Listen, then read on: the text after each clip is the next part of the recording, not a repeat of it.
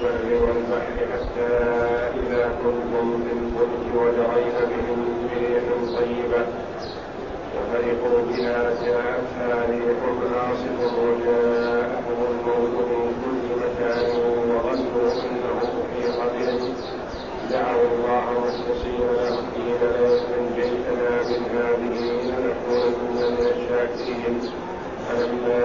أنجاهم إذا هم يبغون في الأرض بغير الحق. يا أيها الناس إنما بغيكم على أنفسكم متاع الحياة الدنيا ثم إلينا مرجعكم فننبئكم بما كنتم تعملون. معكم من المنتظرين وإذا أذقنا الناس رحمة من بعد ضراء مستهم إذا لهم مكر في آياتنا. قل الله أسرع مكرا إن رسلنا يكتبون ما تنكرون ويقولون لولا أنزل عليه آية من ربه. من القائل؟ الكفار. أي كفار قريش. ويقولون لولا أنزل عليه آية من ربه ما المراد بالآية؟ يعني علامة على نبوته أولم ينزل الله عليه آية؟ بلى. بلى قد أنزل الله عليه أعظم آية؟ لكنهم جحدوا أن يكون القرآن آية وهو أعظم آية. وكأنهم يريدون مثل ما أعطى الله جل وعلا بعض الأنبياء كما أعطى ثمود الناقة وكما أعطى موسى عليه الصلاة والسلام اليد والعصا وكما كان عيسى عليه الصلاة والسلام يحيي الموتى بإذن الله ويبرئ الأكمى والأبرص بإذن الله. أمره الله جل وعلا أن يجيب على هذا المطلب فماذا قال؟ الغيب لله. إنزال الآيات عند الله جل وعلا. ولست أنا الذي آتي بالآيات من عندي. والله جل وعلا هو الذي يعلم ما كان فيه مصلحة وفائدة يرسله جل وعلا. وما لم يكن فيه مصلحة ولا فائدة للقوم قد لا يرسله والحجة قائمة بهذا القرآن العظيم. معنى قوله لولا هلا. فانتظروا إني معكم من المنتظرين. قال بعض المفسرين هذه الآية تضمنت الوعيد. فما وجه تضمنها للوعيد فانتظروا إني معكم من المنتظرين.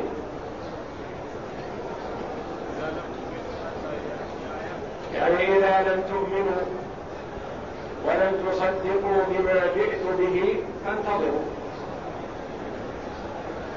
الله جل وعلا مطلع على كل شيء.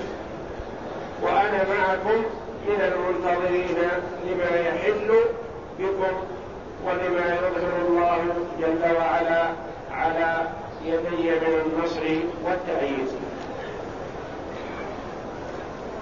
يقول الله تعالى وإذا أذقنا الناس رحمة من بعد ضراء مستهم المراد بالناس هنا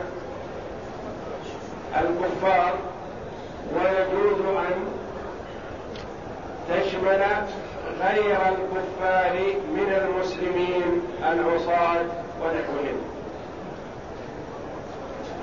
المراد بالرحمة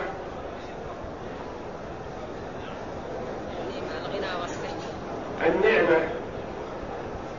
النعمة من المطر والخصب والمساكن و الرزق الواسع وغير ذلك من الأمور والصحة والعافية والأمن في البلاد ونحو ذلك. من النعم التي لا تعد ولا تحصى وقد أنعم الله بها على عباده. من بعد ضراء مستهم المراد بالضراء المصائب والقحط والمرض والفقر. ونحو ذلك من المصائب. إذا لهم مكر في آياتنا إذا هذه ماذا نسميها؟ الفجائية يعني أن ما بعدها جاء فجأة وكأنه بسرعة. إذا لهم مكر في آياتنا المكر. الخداع. ومحاولة التحريف ورد الحق. قل الله أسرع مكرا. أسرع أفعل تفضيل. وهل تقدم ما يشعر بالسرعة من جانبهم. نعم قوله إذا لهم مكر. إذا الفجائية تدل على سرعة فعلهم السيء. قل الله أسرع مكرا إن رسلنا يكتبون ما تمكرون يعني هم وإن أسرعوا بالمكر فالله جل وعلا يمكر بهم أسرع من مكرهم هم. إن رسلنا يكتبون ما تمكرون المراد بالرسل هنا الحفظة والكتبة الذين يكتبون أعمال بني آدم. فإذا كان عملهم هذا السيء لا يخفى على الحفظة فلأن لا يخفى على الله جل وعلا من باب أولى يقول جل وعلا هو الذي يسيركم في البر والبحر حتى إذا كنتم بالفلك وجرين بهم بريح طيبة وفرحوا بها جاءتها ريح عاصف وجاءهم الموت من كل مكان وظنوا أنهم احيط بهم. دعوا الله مخلصين له الدين. لئن نجيتنا من هذه لنكونن من الشاكرين. قل الله ينجيكم منها.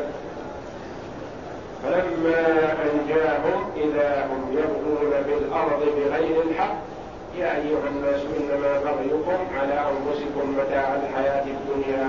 ثم إلينا مرجعكم فننبئكم بما كنتم تعملون. هو الذي يسيركم. التسيير التقلب في البر والبحر بقدرة وتيسير أموره في البر على الأقدام وفي البحر وفي البر على الرواكب.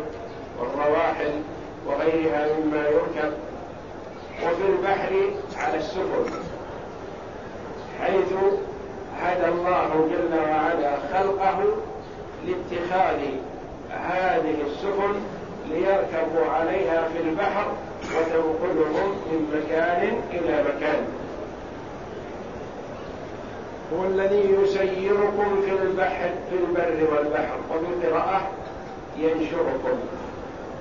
هو الذي ينشركم من النشر وهو الانتشار في الأرض والتفرق فيها. في البر والبحر حتى إذا كنتم في الفلك وجرين بهم بريح طيبة. حتى إذا كنتم في الفلك. المراد بالفلك هنا السفن المراكب.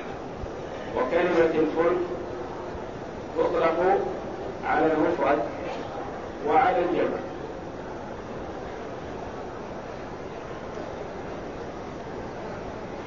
تطلق على الواحد من السفن وعلى الجمع.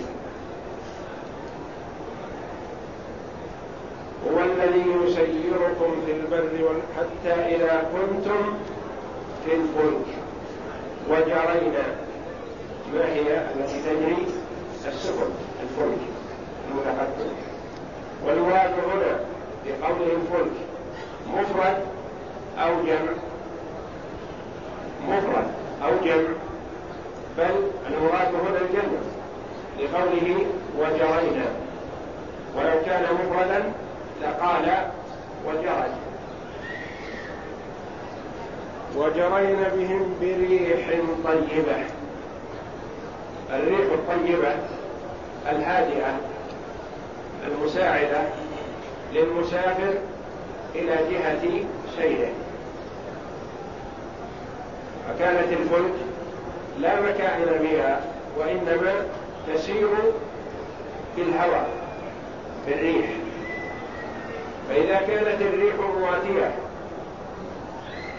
معاكسة لجهة سير الإنسان لأنها تسوقه إلى جهته يعني متجهة حسب جهته.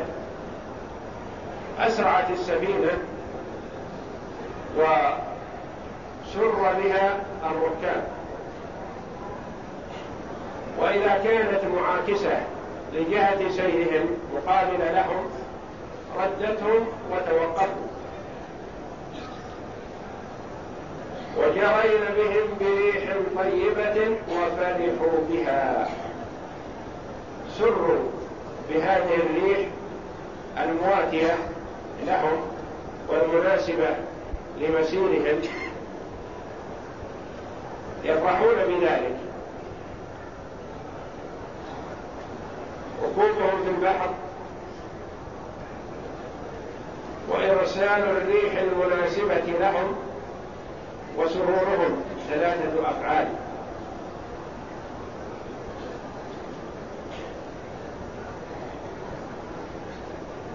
جاءتها ريح عاصف. وجاءهم الموج من كل مكان. وظنوا أنهم أحيط بهم. ثلاثة أفعال أخرى مقابلة لثلاثة الأفعال السابقة. هنا إذا شرطية إذا كنتم في الفلك. فعل من أفعال الشر. وجرين بهم بريح طيبة. معطوف عليه. وفرحوا بها معطوف عليه. ثلاثة أفعال مكونة لفعل الشر. وأين جوابه؟ جاءتها ريح عاصف. وجاءهم الموت من كل مكان وظنوا أنهم أحيط بهم. ثلاثة أفعال مقابله لها وهذه الجملة مكونة لجملة الشر الجملة الجملة كلها مكونة لجملة الشر يعني الفعل والجواب.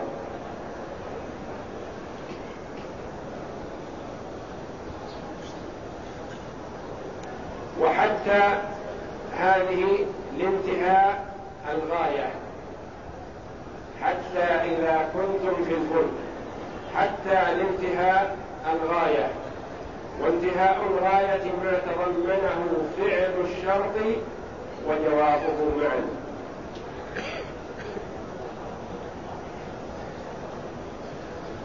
فالله جل وعلا يمثل ويصور لعباده تصويرا حسيا أدركوه من أنفسهم. عما قاله لهم جل وعلا في الآية التي قبل هذه وإذا أذقنا الناس رحمة من بعد ضراء مستهم إذا لهم مكر في آياتنا. قل الله أسرع مكرا. وضح جل وعلا ما تضمنته الآية هذه بقوله حتى إذا كنتم في الفلك وجرين بهم بريح طيبة وفرحوا بها جاءتها ريح عاصف وجاءهم الموت من كل مكان وظنوا أنهم محيط بهم. دعوا الله مخلصين له الدين.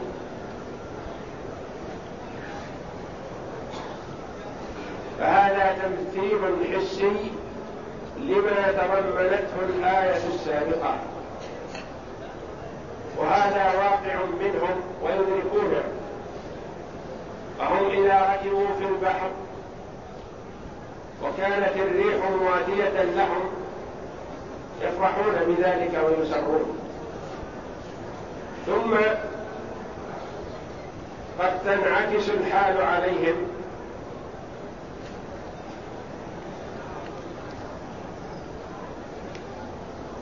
جاءتها ريح عاصف.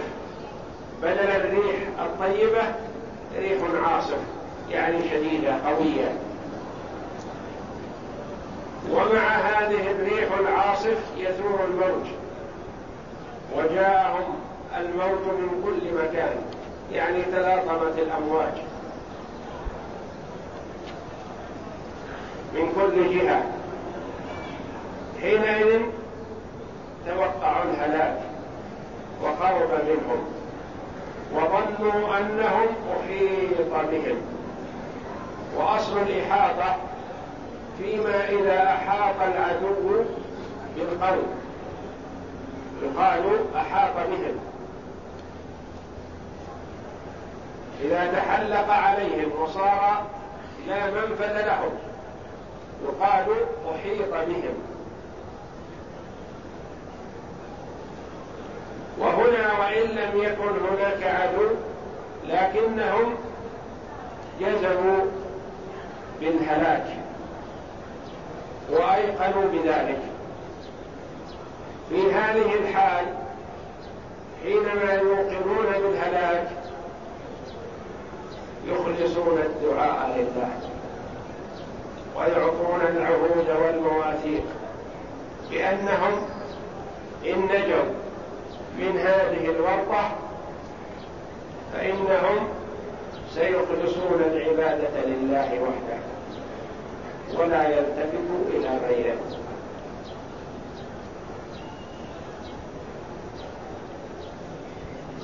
إذا أحدق بهم الخطر فزعوا إلى من؟ فزعوا إلى آلهتهم؟ لا يعرفون أنها ما تنفع في هذا الموطن لا يذكرونها باسمها ولا يطلبون منها شيئا وإنما يفزعون إلى الله. والله جل وعلا فطر الخلق مسلمهم وكافرهم في أنهم عند الخطر يفزعون إليه وحده. فطرهم على ذلك.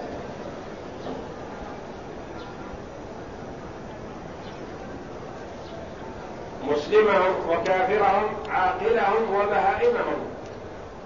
البهائم إذا حذبها أمر فزعت إلى الله ورفعت رأسها إلى الله.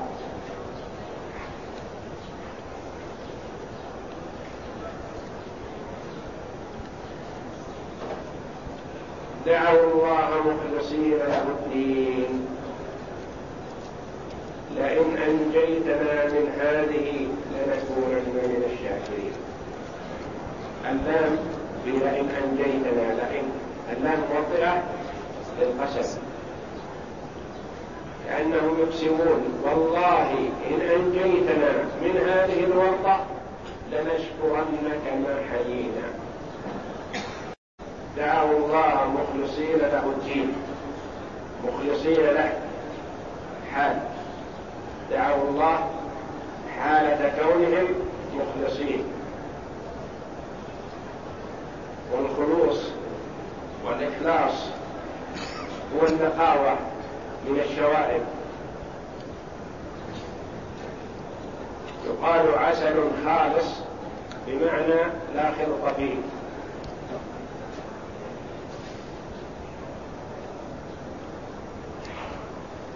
مخلصين له الدين يعني مفردين له العبادة وحده.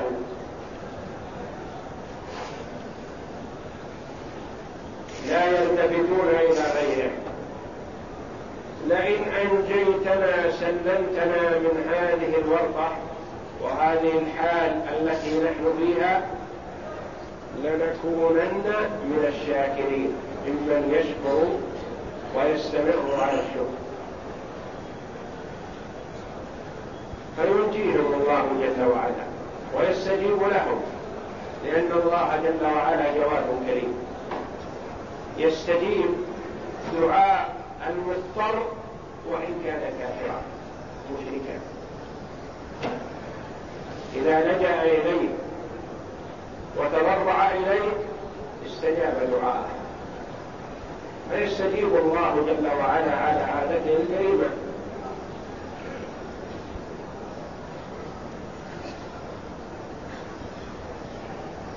فيخلصوا من هذه الورطة وينجوا ثم ماذا تكون الحال؟ هل يستمرون على ما عاهدوا الله عليه؟ لا. هذا شيء محسوس مدرك. فلما أنجاهم إذا هم يبغون في الأرض بغير الحق. فلما أنجاهم وسلمهم من هذه الورطة وأخرجهم من البحر ونجوا. إذا هم يبغون في الأرض بغير الحق. إذا هذه فجائية كذلك. ما ينتظرون سنة أو سنتين يستمرون على ما هم على ما عاهد الله عليه من العبادة وإفراده وحده.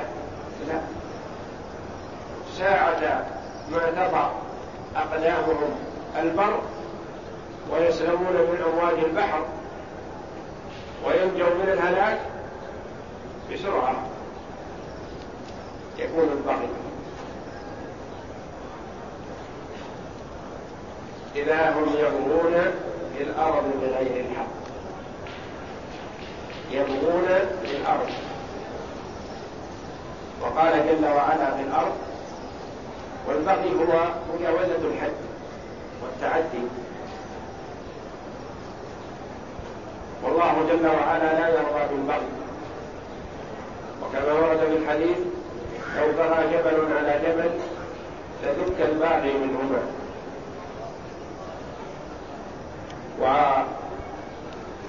ومغبة البغي ترجع لصاحبه. ما يتجاوزه وإنما تكون النتيجة تعود إليه النتيجة السيئة. إذا هم يطغون في الأرض إشعار بأن بغيهم عام يعني في عموم الأرض في كل الأرض وعلى الناس كلهم. ليس بغيا محدودا وإنما بغيا عاما. إذا هم يبغون في الأرض بغير الحق. بغير الحق. وهل هناك بغي بالحق قال بعض المفسرين المراد بقوله بغير الحق أي أنه لا شبهة لهم فيه. فبغيهم بتعمد العدوان. ولم يتعدوا بتأويل أو شبهة وإنما تعمدوا العدوان قصدا.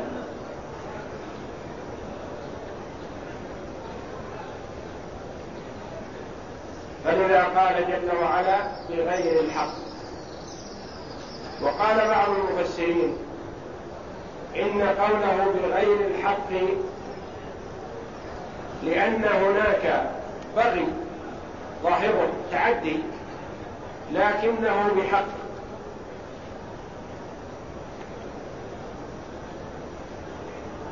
كهجوم المسلمين على الكفار وقتلهم بعد دعوتهم إلى الله لذلك استجيبوا وأخذ أموالهم. قد يكون ظاهره هذا أنه بغي. يعني تعدي في تعدي لكنه تعد بحق.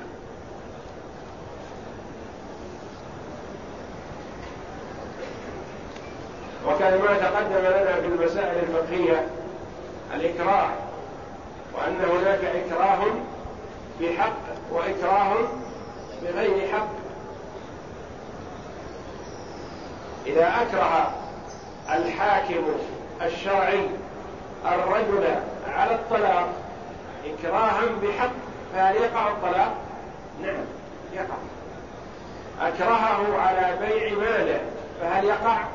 نعم يقع يصح البيع لأنه إكراه بحق إذا أكره أكره الرجل على طلاق امرأته وهذا الإكراه بغير حق من ظالم هل يقع الطلاق؟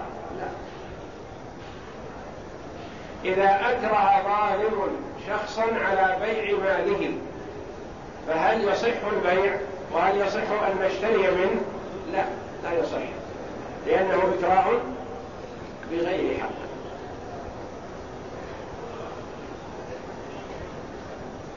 وهذا ما دل عليه قول بعض المفسرين بأن البغي بعضه يكون بحق تعدي على مال الغير لكن بحق لأن الغير هو أنكر حق الله جل وعلا فجاز لنا أن نتعدى عليه. إذا هم يبغون في الأرض بغير الحق والبغي بغير حق هو المذموم وهو الذي تعود نتيجته الوخيمة على صاحبه لا محالة.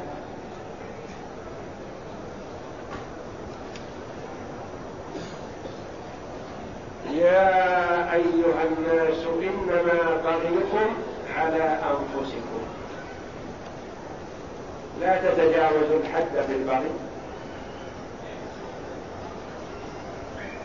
ولا تتسلطوا على عباد الله. ولا تظلموا من لا يستحق ذلك. فبغيكم هذا يعود وباله عليكم أنتم أيها اللغات يا أيها الناس إنما بغيكم على أنفسكم.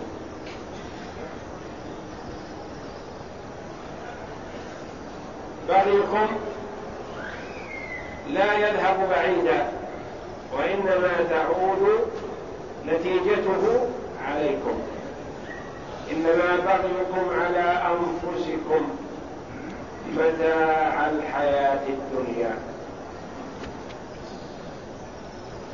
متاع وقرئت متاع الحياة الدنيا.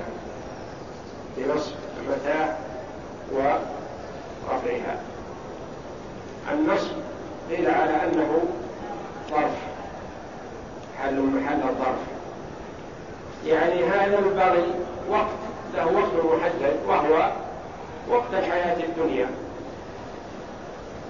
أو وقت يسير من الحياة الدنيا لا يستمر إذا لم يرد الله استمراره وقت يسير ثم يضمحل.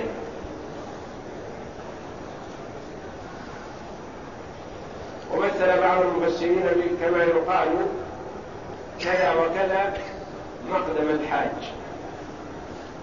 يعني وقت قدوم الحاج. إنما بغيكم على أنفسكم بقاء بقى هذا البغي وقت من وقت الحياة الدنيا. يتشفى به المرء ساعة من الزمان في هذا البغي ثم يحصل عاقبته الوخيمة بنفسه نفس الباغي متاع الحياة الدنيا وقيل مرصود بنزع الخافض يعني كمتاع الحياة الدنيا يعني لا يستمر. هذا البغي وقت من الزمن كمتاع الحياة الدنيا. الإنسان يتمتع بشيء من ملاذ الحياة الدنيا زمنا يسيرا ثم يذهب. وعلى الرفع. خبر لمبتدأ محذوف تقديره وهو متاع الحياة الدنيا وقيل غير ذلك. متاع الحياة الدنيا ثم إلينا مرجعكم مآلكم إلينا. ثم بعد هذا العمل السيء الذي يصدر منكم مآلكم إلى أين؟ هل تفلتون من أيدينا؟ لا. ثم إلينا مرجعكم. في هذا وعيد شديد. فيه وعيد شديد. من الله جل وعلا للغواة ثم إلينا كما تقول لمن تتوعده اذهب ومردك إليك. اعمل ما تشاء ومردك إليك.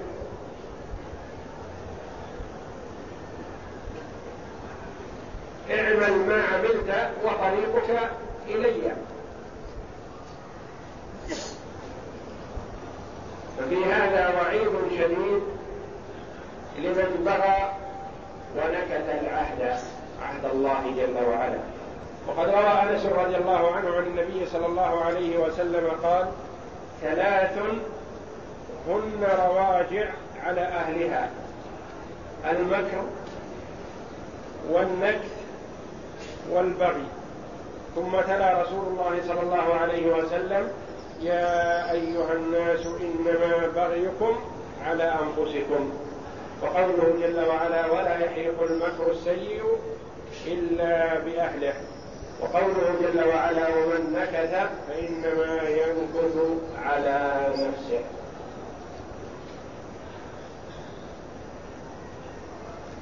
يقول المفسر رحمه الله وينبغي أن يلحق بهذه الثلاث ما ورد في القرآن من أن عاقبة الخداع تعود إلى صاحبها. فإن الله جل وعلا يقول يخادعون الله والذين آمنوا وما يخدعون إلا أنفسهم.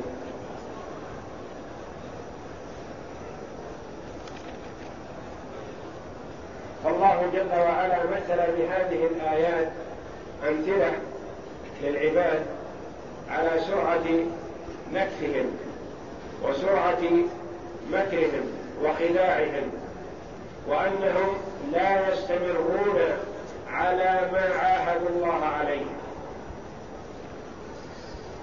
بين ذلك جل وعلا إجمالا في الآية السابقة ثم فصله وبينه في هذه الآيات وفي هذا تحذير للمؤمنين من أن يتصفوا بهذه الصفة. فبعض الناس والكثير إذا ابتلي ببلية أو حصلت عليه مصيبة من مرض أو فقر أو حاجة يعاهد الله ويؤكد عهوده ومواثيقه بأنه سيفي. إن الله أنعم عليه وأزال عنه هذه الكربة وهذه الشدة فإنه سيستمر على طاعة الله. ويبتعد عن معصية الله. فإذا بالكثير من الناس بعض الناس يفي لكن الكثير لا يفي بما عاهد الله عليه.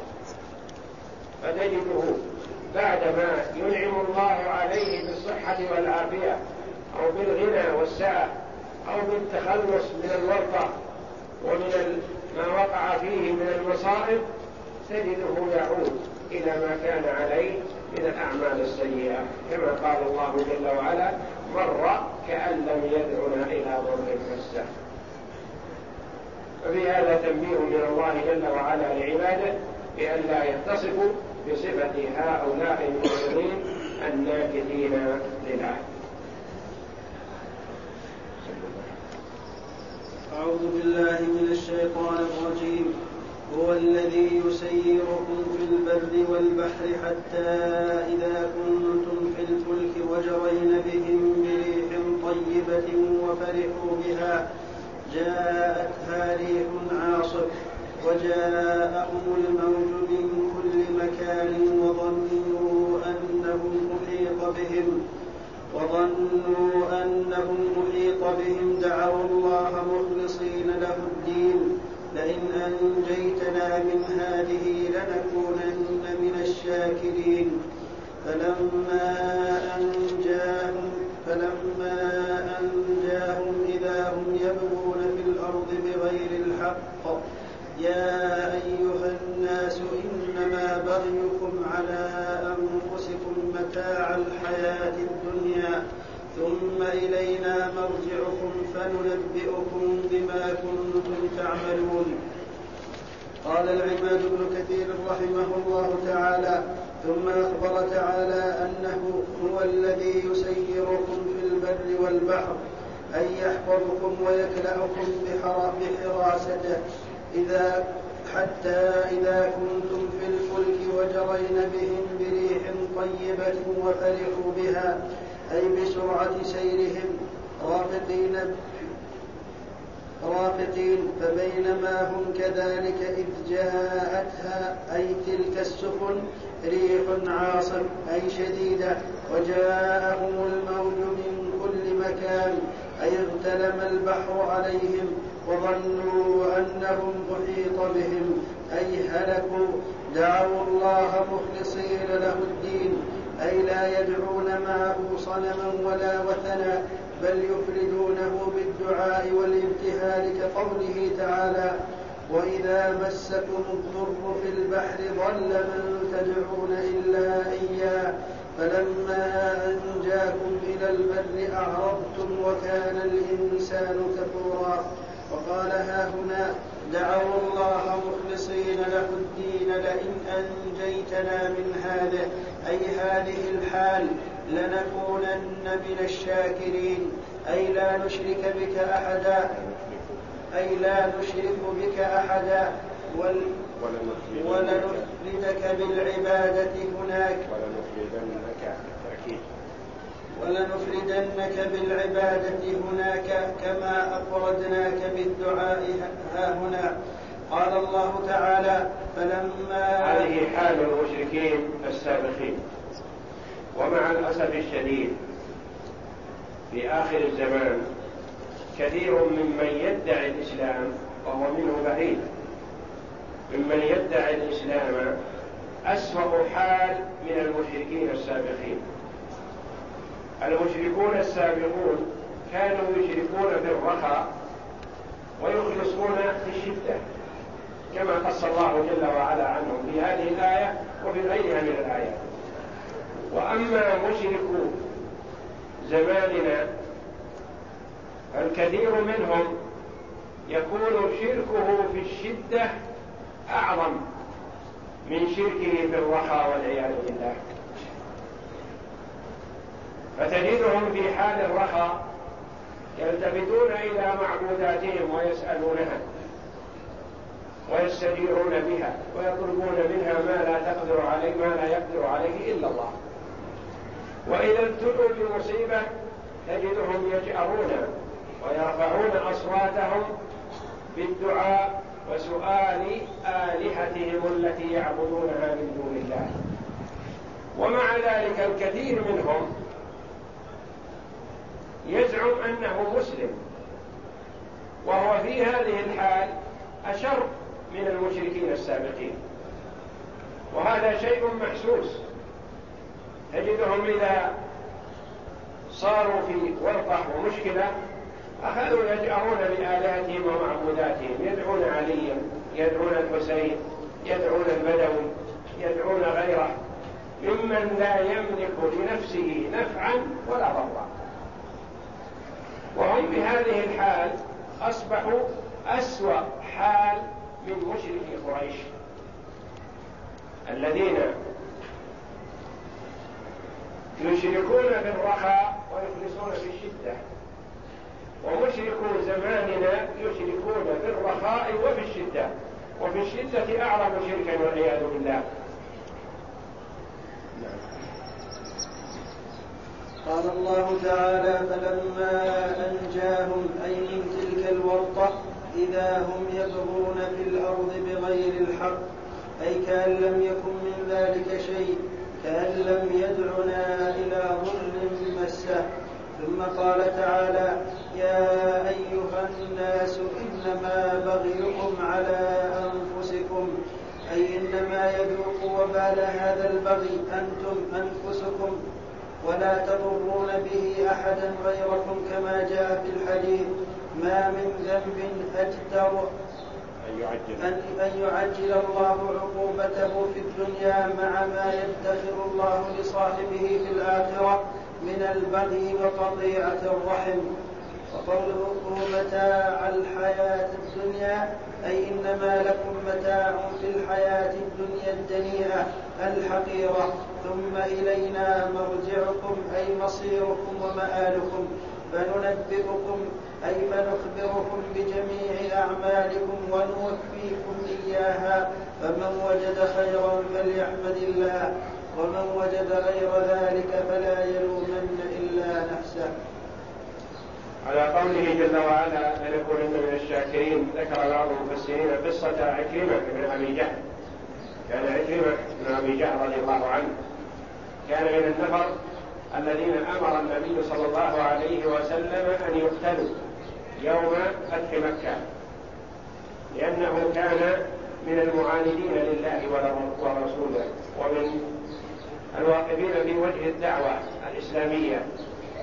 ومتحمس في ذلك فلما فتح الله لرسوله صلى الله عليه وسلم مكة ضاقت به الأرض بما رحبت. فخرج من مكة إلى جدة وركب البحر ليذهب إلى الحبشة. لا يريد أن يبقى في المكان الذي فيه محمد صلى الله عليه وسلم. ركب البحر. واستمر في طريقه. ثم إن الله جل وعلا أرسل على هذه السفينة الأمواج العظيمة. فنادى قائد السفينة أيها الناس هلكتم إن لم تخلصوا. فأخلصوا لله العبادة لعل الله أن ينجيكم.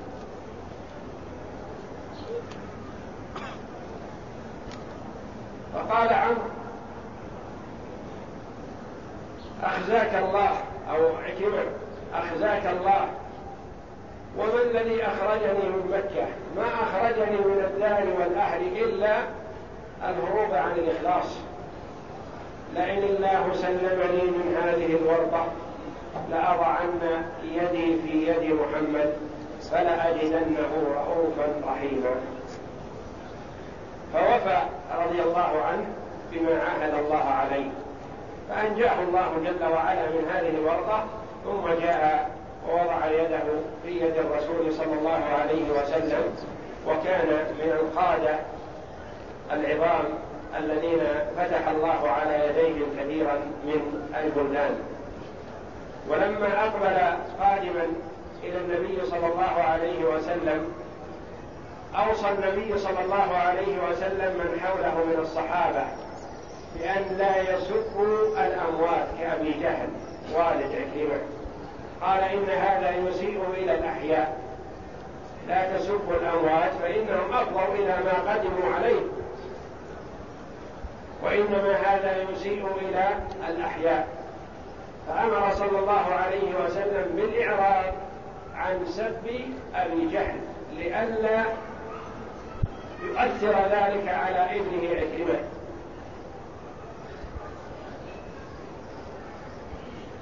فكان معروفا عندهم في الجاهلية أنهم إذا تورطوا في ورطة لا ينجيهم إلا الإخلاص.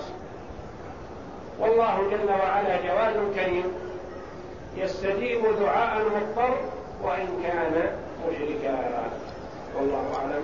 وصلى الله وسلم وبارك على عبده ورسول نبينا محمد. وعلى آله وصحبه